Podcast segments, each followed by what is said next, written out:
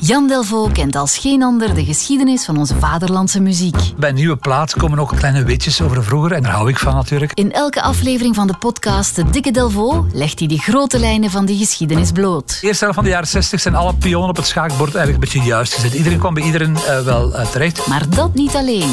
Elk detail en elke link tussen muzikanten en componisten wordt met een chirurgische perfectie gereconstrueerd. De hoes is van Herman Haubers, die is bekend van uh, Nemo en uh, Deadman Ray. Die speelt ook een aantal nummers in op drums op die plaat. En zo ontdek je veel minder bekende verhalen uit de vele coulissen van de Belgische muziek. Zijn pa vindt dat helemaal geen goed idee meer. Zelfs Romain Brel verbiedt zijn zoon om op te treden onder de naam Brel.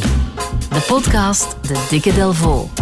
Luister en dicht de vele kleine gaten in je belpopkennis.